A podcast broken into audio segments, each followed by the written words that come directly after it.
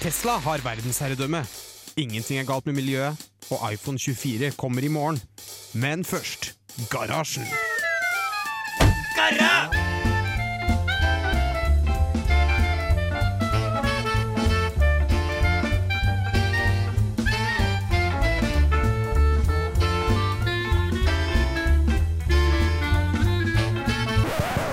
På radio Revolt!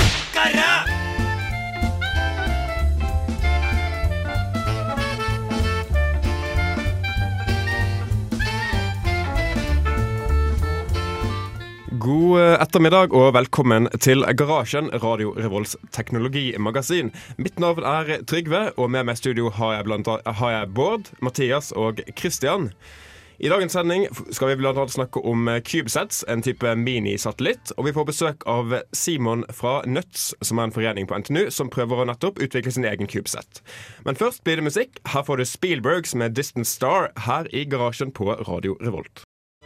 Norske tableten Remarkable var en stor suksess på Kickstarter i fjor, og blir i disse dager sendt ut til de som støttet den kampanjen. Men selv om Remarkable var en stor suksess på Kickstarter, betyr ikke det at folk automatisk kommer til å kjøpe den når den kommer i butikkene. Et av problemene til Remarkable er den koster litt over 6000 kroner, som f.eks. er nesten fem ganger så mye som en Kindle Paperwhite, og mer enn den billigste versjonen av en iPad Pro. I motsetning til en iPad Pro er det ganske mye en Remarkable ikke kan gjøre. Eksempel har den en svart-hvitt-skjerm, så du kan ikke se video, du kan ikke eh, liksom browse internett. eh, Og du kan egentlig ikke gjøre så veldig mye annet enn å skrive og lese. Og det har ført til at den har fått en del sånn halvveis middels eh, anmeldelser. eh, særlig i utlandet, der folk ikke er så hypet som i Norge. Eh, og at det virker litt usikkert hvor mye den faktisk kommer til å selge. Er det noen av dere her i studio som har prøvd eh, Remarkable ennå? Jeg har ikke prøvd den. Eh, Jeg vet det er andre her eh, som vi kjenner i radioen som eh, har gjort det. Men jeg har ikke prøvd det selv. Nei, jeg var, på- jeg var på et styremøte hvor den ble brukt, og hun var veldig fornøyd med den. Men jeg har ikke brukt den selv. Men hvordan brukte hun den da? Bare som en vanlig notatblokk, liksom? Ja, altså Hun hadde sakspapirene, og så skrev hun direkte i sakspapirene med den pennen som følger med. Kult. Eh, for det at, i hvert fall sånn personlig så vurderte jeg veldig sterkt å kjøpe den, men eh, jeg, jeg, jeg var liksom ikke helt sikker på om jeg er en person som liker bedre å skrive notater for hånd enn å bruke liksom eh, laptopen min til å ta notater på. Altså, jeg, jeg vet at uh, det er mye raskere å liksom skrive for hånd og, bare liksom kunne tegne og drodle litt og sånn, men uh, er det verdt 6000 kroner? Jeg vet ikke. Det var ikke det for meg til slutt, da. Det som er spesielt med den, som de reklamerer med, er jo også at den uh, skal ha Kindle sin, eh, sitt papirskjerm, eh, som minner litt mer om papir når man skriver på den, for å få litt mer den følelsen.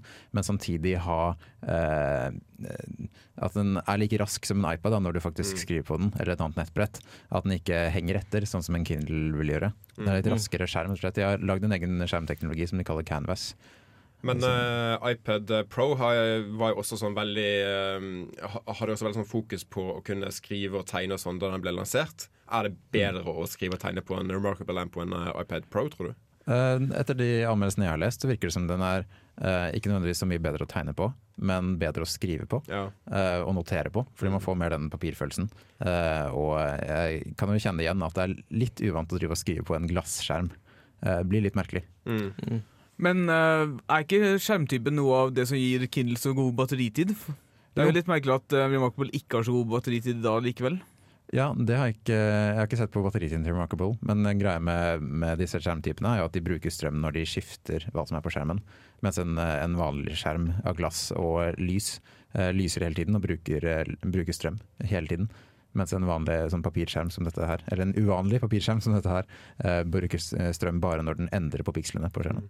Ja, for Bård eh, har rett i det med batteritid. Er En av eh, hovedtilbakemeldingene som har kommet i etterkant av at den er blitt sendt ut til kjøperne, er at den har ganske dårlig batteritid. Sett i forhold til f.eks. Kindle. da. Den har vel kanskje bedre batteritid enn en iPad Pro. Så det er liksom litt sånn eh, varierende i brukermengden hva man liksom forventer av batteritid. Om man liksom forventer en iPad Pro-lignende batteritid eller en Kindle-lignende batteritid. Eller hva det er. Mm. Og det, det er jo eksempel et problem for de som ønsker å bruke den hovedsakelig til å lese. At Mm. uh, den slutter liksom å At eh, batteriet går tomt. midt i lesestasjonen. Og hvis du bare skal lese med den, så virker det som at uh, da kan du like gjerne kjøpe en Kindle eller en, et annet lesebrett. Ja, I hvert fall når Kindle koster sånn en femtedel av prisen av uh, William Ja. Men eh, dennes eh, hype eh, er jo det at man skal kunne skrive på den. Og den er norsk. Og at den er norsk. norsk. Ja. Det betyr uh, mye for ganske mange, egentlig. Men uh, er den dårlige batteritiden kanskje fordi den må oppdatere skjermen hver gang du tegner på den? Eller? Det kan godt hende, det vet jeg ikke. Jeg, fordi jeg regner jo med at den oppdateres live, og da vil jo Ja. det føre til en dårligere batteritid. Mm. Men uh, leser den PDF? eh, for jeg har hørt at eh, det har vært litt problem med å lese PDF på sånn Kindle og sånn. Jeg hørte at den skulle gjøre det. Ja, jeg tror det. Mm. Kindle må vel gjennom en prosessering sånn for Ja, at da må du liksom inn på PC-en din og styre og Jeg tror det. Ja, og det, det er en stor fordel. da. Mm. Og det å kunne ta notatet direkte i andres PDF-er, hvis Mm. det er mulig, det er jo, høres egentlig veldig nyttig ut. Da har du muligheten til å, altså for oss da, å ta opp eh, skolebøkene i forelesning og notere rett i dem. Nettopp. Mm. Ja, og highlighte hva er viktig, hva kan du bare se bort ifra når du leser eksamen. Mm. Og ikke ha, ta med seg ti kilo med bøker på skolen, liksom. Ja. Ja. Ja. Og slippe å skrive i bøkene. Eh, Det også. Mm. Så er det noen av dere som vurderer å kjøpe? Ikke til den prisen. Nei, si. Ikke til 6000 kroner. Kanskje når jeg får meg jobb. Um, Men hvis noen hadde kommet bort og sagt hei, vil du ha denne gratis, så ville jeg sagt ja. ja. Det tror jeg de fleste ville vært enig i. Mm. Konklusjonen ble ikke til denne prisen. Vi skal høre litt mer musikk. Dere får Emir med 'Faller' her i garasjen. En gris og en hare. Senere i sendingen skal vi få besøk fra, av eh, Simon fra Nuts, en eh, studentforening ved NTNU som driver med såkalte CubeSats, en eh, slags type satellitt. Men før det burde vi kanskje høre litt om hva disse kubesatsene egentlig er. Så Mathias, kunne du gitt oss en uh, liten uh, intro? Ja, CubeSat er et slags uh, fristende å si rammeverk når jeg er fra datasammenheng. Det er en slags standard kan du si, for satellitter, små satellitter på størrelsesorden 10 ganger 10 ganger 10 cm. Um, eh, de er satt sammen av blokker av den størrelsen, da, så det kan være én, to eller tre av de blokkene som er satt sammen.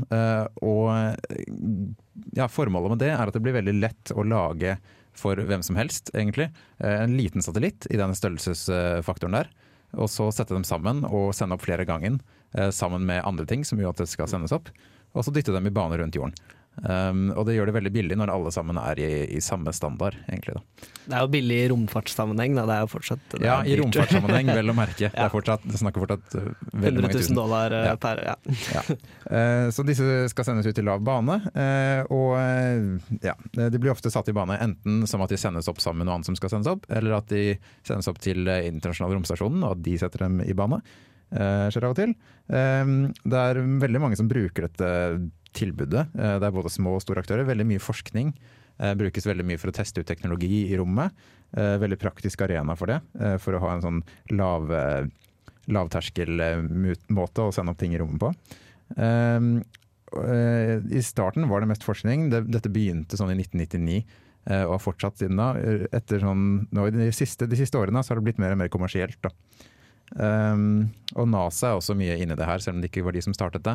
Så eh, tilbyr de å sende opp kubesats CubeSats for folk. Uh, de har også en um, konkurransegående uh, om å lage uh, den som kan lage en CubeSats som eh, er egnet eh, til å eh, dra rundt månen. eh, Og utforske ting der. Eh, Så de som får til det, de får store premier fra NASA da, og får sendt opp CubeSaten sin. Kult. Så, ja. Vet du noe om eh, hva slags ting disse kommersielle aktørene bruker CubeSatsen eh, til? Er liksom mulig å f.eks. drive med hver eh, satellittting ved hjelp av en kubesett, eller er det liksom Det er mulig, og det brukes til det, og brukes til veldig mye annet også. Mm. Så folk sender dem på veldig mange forskjellige grunner. Av og til er det for å kunne drive med radiokommunikasjon, noen bruker for amatørradio. Det er amatører som sender opp også.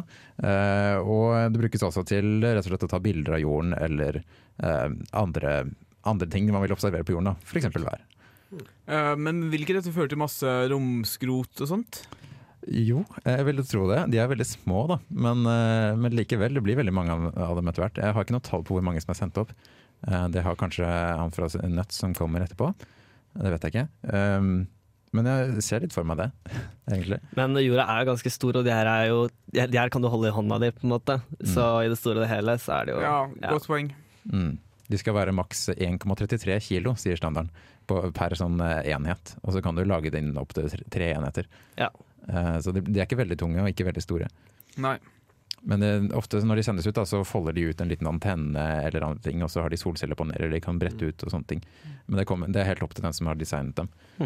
Men uh, blir de i verdensrommet lenge, eller går de liksom ned igjen mot jorden etter et et par år? Det vet jeg ikke, men de er i lav bane. Eh, så det vil ikke være en veldig stor jobb for dem å gjøre sånn som andre satellitter gjør. Ja, andre satellitter har en tendens til å gå ut vekk fra jorden når de, er, når de dør. Mm, Eh, Det kan hende at de er lagd for å altså, De kan lages for å styrte når de dør. Mm. Det er litt kjip måte å dø på å få en kubesett i huet, da. Ja, jeg, jeg har en mistanke om at den kanskje Ja. kommer til å brenne opp før den kommer ned. Jeg er litt Ja, det, Men de sendes kanskje opp i lav nok bane til at de etter hvert, over noen år eller måneder, går i, altså faller ned i atmosfæren og brenner opp. Det kan godt hende. Eh, Det vet jeg ikke nok om. Nei, Vi får spørre han Simon fra Nuts. Mm. Vi skal snakke mer om eh, CubeSats, men først skal vi eh, få enda mer musikk. Magnus Beckmann med 'Bruises' får du her i garasjen på Radio Revolt. Radio Revolt. Vi har ikke bare fått med oss eh, Simon, men også Amund fra Nuts, som altså er en studentforening ved NTNU som, jobb, som jobber med å bygge sine egne cubesets. Uh, og De er her for, for å fortelle oss litt om historien til uh, Nuts. Uh, så Simon, kunne ikke du bare gitt oss en kort intro til hva Nuts er, og Ja, hva dere driver med? Nuts er en slags mini-romfartsorganisasjon da, som er drevet av Mhm. frivillige, hovedsakelig nå studenter ved NTNU i Trondheim. Og eh, Tidligere så har det vært eh, en del mastergradsstudenter som har skrevet mastergradoppgavene sine gjennom Nuts da, og eh, prøvd å bygge en kubesatellitt eh, ved å gjøre det her. Men eh, fra og med i år så er vi hovedsakelig eh, frivillige personer, en god del fra mindre årskull, som har eh, til hensikt å bli i organisasjonen mye lenger. Og eh, derfor så har vi på en måte startet litt eh, fra scratch eh, nå igjen, da, dette semesteret her. Ish, basically. Så dere har gått vekk fra å være en ren studentforening? på en Ah, måte? ja, altså Vi har eh, blitt litt eh, friere. Uh, tidligere så har det jo vært, som jeg sa, veldig mange mastergradsstudenter, doktorgradsstudenter, og de har jo kun vært der ett år og skrevet liksom sin del av kaka, og så har de gått uh, videre. Men uh, nå så jobber vi mye mer ja, selvstendig, da. Nå har vi en mye større eh, mulighet til å faktisk eh, realisere dette prosjektet her. Så dere ønsker mer kontinuitet i utviklingen Ja, av CubeSats? Men jeg gjorde litt research uh, før uh, programmet og så at det fantes et slags samarbeid om å bygge CubeStats også før Nødt ble opprettet. Stemmer ikke det? Så det er liksom tredje gangen dere blir Eller andre gangen dere begynner, begynner fra scratch? Eh, nei, det ja, eh, Nei, det vil jeg ikke, ikke si. Um, jeg vet ikke om du tenker på de tidligere kubesatellittene som er gjort eh, i eh, eh, som heter N-Cube. Ja, det er nok det jeg tenker på. Ja, Nei, eh, det var, eh, det var tidlig samarbeid. eh, Nå husker jeg ikke akkurat eh, tallene, men det var, det var en god del eh, tidligere. Det var samarbeid mellom tre universiteter, eh, Universitetet i Oslo, eh, NTNU og eh, Høgskolen i Narvik. Mm. Eh, Der ble det jo sendt opp eh, to satellitter, der den ene kom ut i bane. Den andre faktisk eh, ble sprengt sammen med raketten fordi eh, oppskytingen gikk galt. Um, men eh, nei, det, det er uavhengig av, av studentsatellittprosjektet Nuts. Ok, Så, så, så Nuts kommer ikke ut av det prosjektet? Det er ikke en fortsettelse av det? Det en ville nok vært vanskelig å starte prosjektet uten at det hadde vært eh, tidligere. Mm. Men, uh, men det er ikke en direkte fortsettelse, det er det ikke. Mm. Skjønner. Men eh, kunne du fortalt oss litt om eh, hva som er hele prosessen for å utvikle en sånn, en sånn CubeSat fra start til slutt, eh, sånn i grove trekk? Ja, eh, først så må man jo finne ut eh, hva man ønsker å gjøre med satellitten. Altså definere en, en mission. Eh, det er viktig. Og så må man bestemme seg for hvor mye man skal bygge av satellitten. Mm. En satellitt består jo av altså på et, eh, et vis selve satellitten og så nyttelasten. Altså det som skal gjøre jobben. I Nuts eh, så bygger studenter alle systemer, altså både nyttelasten og alle eh, systemer som satellitten trenger for å fungere. Vi skal snakke mer om eh, dere etter pausen. Vi får nå MGMT med Little Dark Age her i garasjen på Radio Revolt. Du hører på Radio Revolt, studentradioen i Trondheim.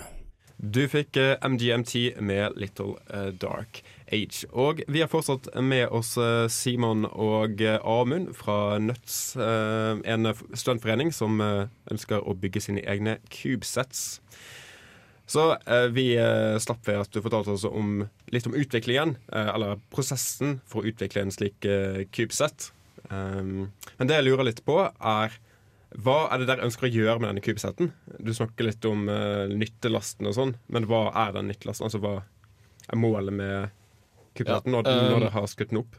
Altså, selve målet med prosjektet, det er det å liksom bygge satellitten i seg selv. Mhm. det, er ikke, det er ikke så uvanlig det at eh, universiteter eh, kjøper CubeSats, og så legger de til sin egen payload for å få ja, vitenskapelige målinger, da.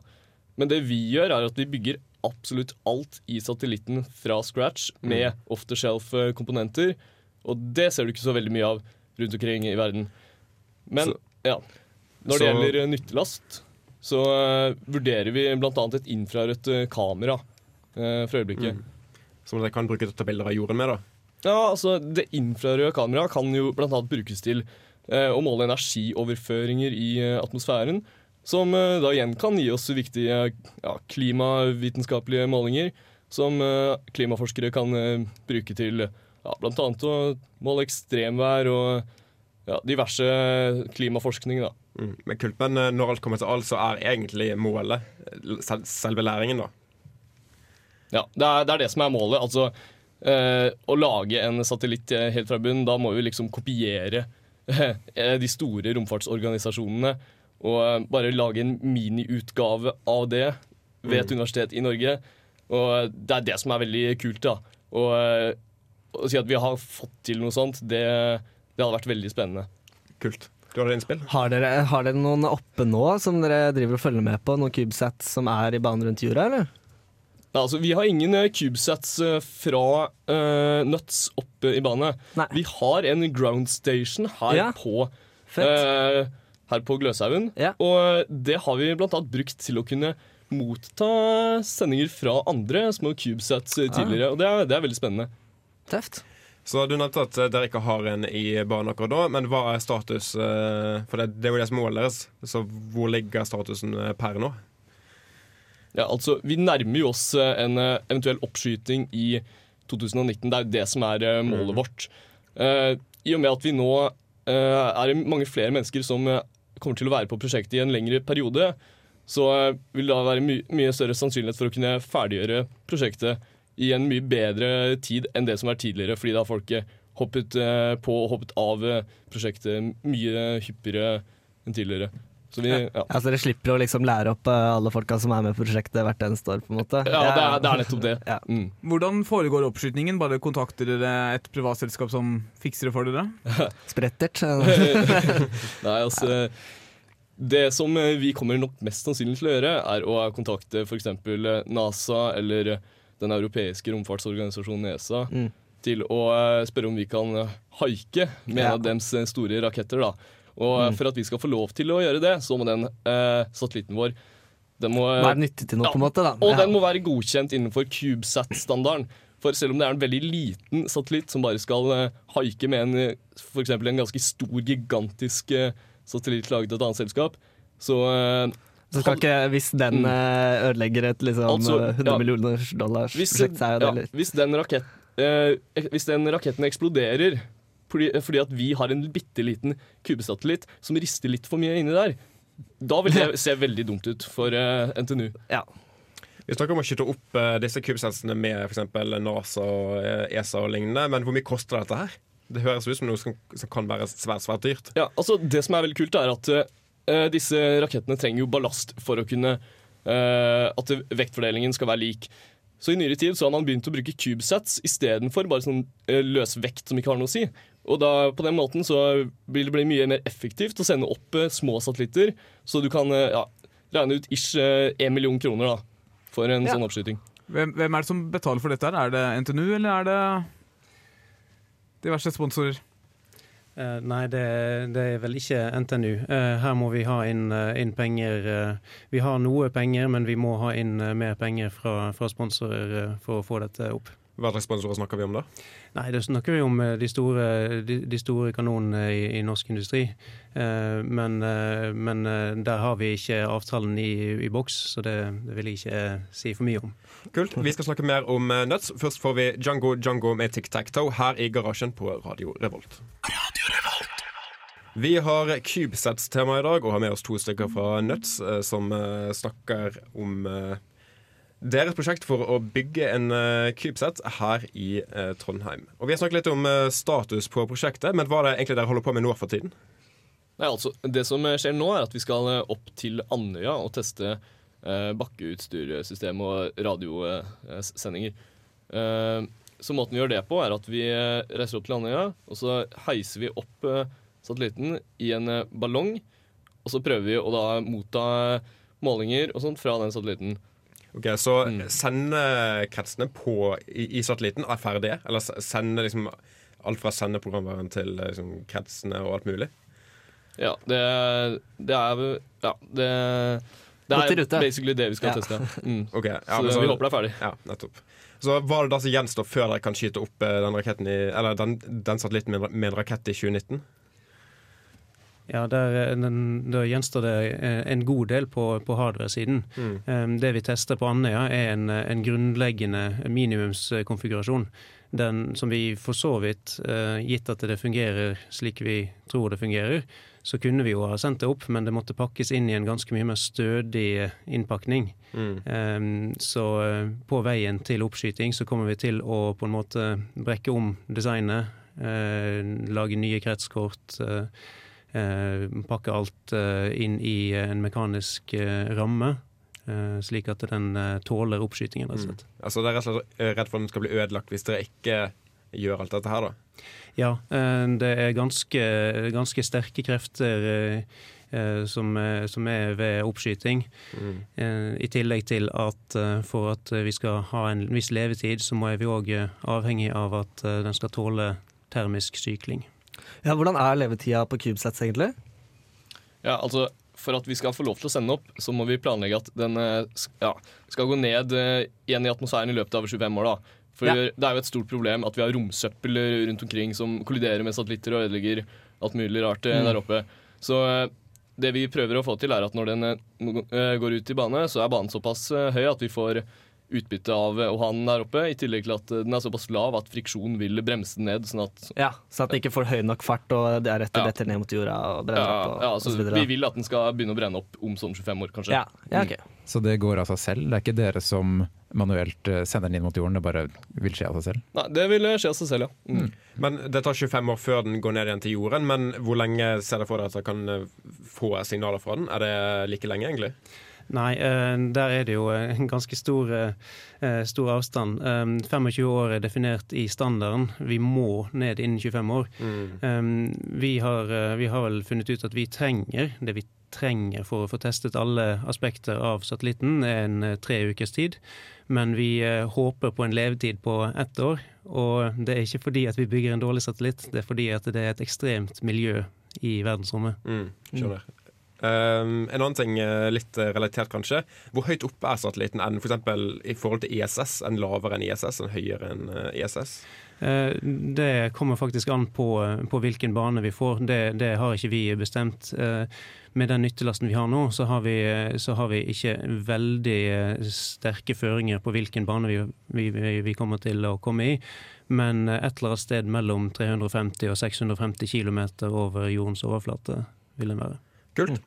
Vi er ikke helt ferdig med Nuts ennå, men vi skal eh, høre litt eh, musikk. Kakk Madafakka med Save Yourself får dere her i garasjen på Radio Revolt, studentradioen i Trondheim.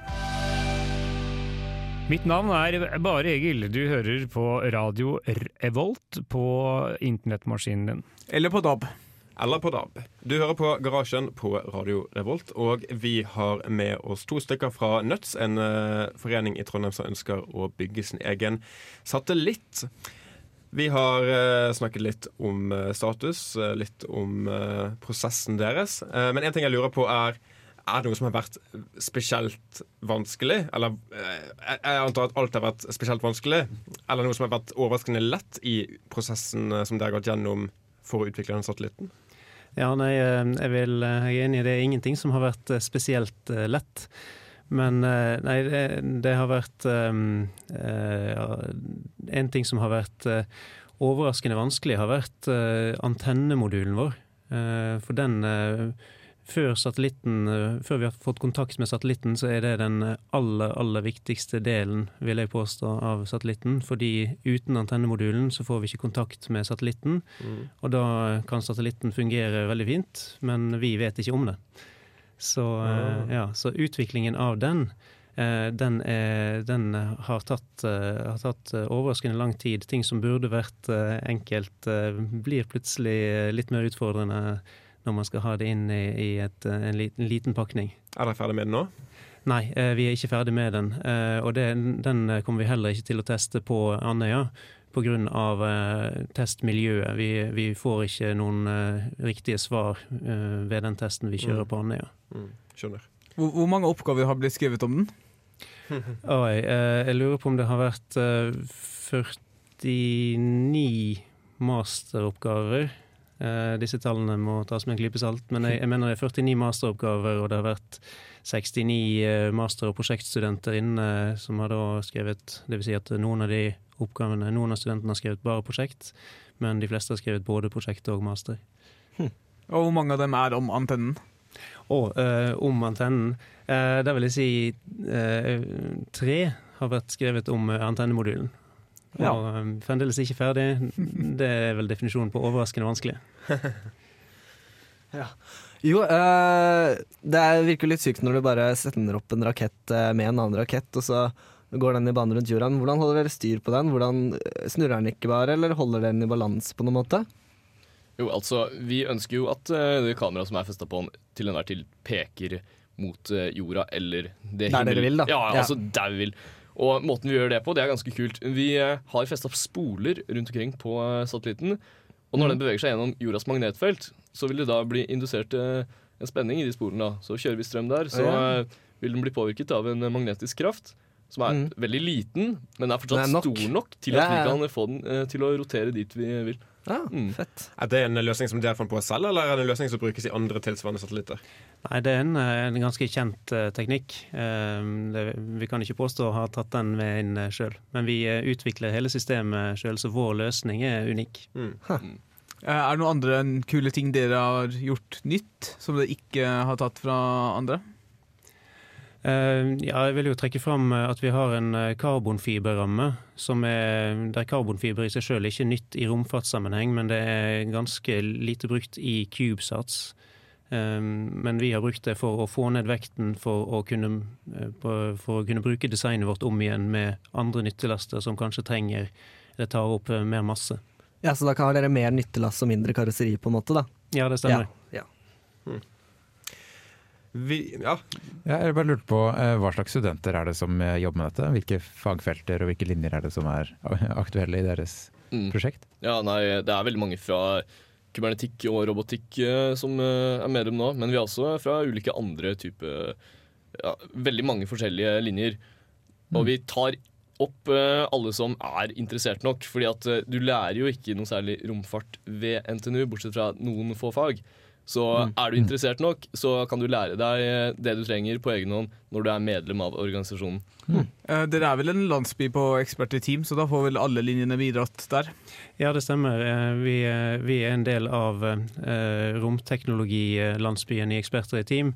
Eh, Og hvert år så blir det gitt oppgaver der gruppene kan, kan gjøre en jobb direkte relatert til Nuts. kult. Vi eh, begynner å nærme oss eh, slutten av programmet og skal si eh, takk til de to fra eh, som har vært med oss. Men før vi tar en ny låt, så lurer vi på om det er mulig å komme på besøk til dere og ta en kikk på det dere, på, på, på det dere, driver med. Ja, det er absolutt mulig det. På tirsdager fra omtrent fem til åtte så pleier vi å være en god del folk som arbeider på kontoret eller verkstedet vårt. Som ligger på taket, altså i femte etasje i D-blokka. På elbygget, da. Ja, Ja. basically. Mm. Og eh, altså hvis du vil eh, nå opp dit, så kan du da ta, etasje, nei, ta heisen til fjerde etasje, og så kan du gå opp til femte. Hvis du ikke har tilgang der. Uh, en annen måte å nå oss, det er på vår Facebook-side. Der er det bare å følge oss på NTNU Testsatellitt. Så søk opp det. Kult. Kult. Vi sier tusen takk til Simon og Amund fra Nuts, og skal få høre Sauropod med 'Never On Time' i garasjen på Radio Revolt. Og du lytter til radio Revolt. Du hører fortsatt på Garasjen her på Radio Revolt. Hva syns dere da om nøtts og minisatellitter og alt mulig? eh? Jeg synes det er utrolig kult. Nå var, var jeg med ekspert i team og faktisk bygde den, eh, noe av den basestasjonen de skal teste på Andøya eh, snart, så det er utrolig kult. Ja, det er veldig kult hva folk får til. Bare, det er litt sånn rart å tenke på når du går rundt at folk møter gangen på Gløs driver med å sende opp ting i verdensrommet. På en måte. Ja. Mm. Ikke sånn, ja. Jeg syns det kuleste var det der med å holde den i ordentlig orientering. Uh, holde den, Ja, At den peker den veien den skal. ja, med spoler uten bevegelige Bare deler. bruke Liksom. magnetfeltet til Ja, ja, ja. suse forbi, liksom. Det er Har du ikke tenkt på det, ass. Nei, nei. Det er litt, eh, Man skulle jo tro at 2019 er langt fram i tid, men det er jo ikke det. Det tar tid å lage seg litt, og det ja, For mange også er jo det bare en del av studietiden. Altså, man blir ikke ferdig før 2019. Mm. Og særlig siden de nå har folk som ikke er studenter også, så Ja. får de kanskje gjort det på schedule. Det er for så vidt sant. Eh, Det er vel mange sånne prosjekter som ikke rekker å bli ferdig på tid, vil jeg tro. Men eh, jeg får håpe de får det til. Ja, og vi får håpe det går bedre enn de to forrige satellittene som ble skutt opp fra Norge. Eller Ja. i Ja. Norges regi. Ja. Og så har det litt sånn press på seg. Du vet, hvor- man vet hvor kjipt det er å rekke buss, ikke rekke bussen, på en måte. Ja. Så ikke rekke raketten, det er litt sånn Det er litt hardere, på en måte. Spesielt når det koster én million kroner for en billett. Ja, ja, ja. Mm. Vi eh, skal eh, snart eh, takke for oss. Vi skal nå helt til slutt få Company Inc. med Eat Your Ropes. Og det får dere her i garasjen, Teknologimagasinet på Radio Revolt. Takk for oss. Du lyttet nettopp til en podkast fra Radio Revolt. For å høre flere av våre podkaster, gå inn på radiorevolt.no.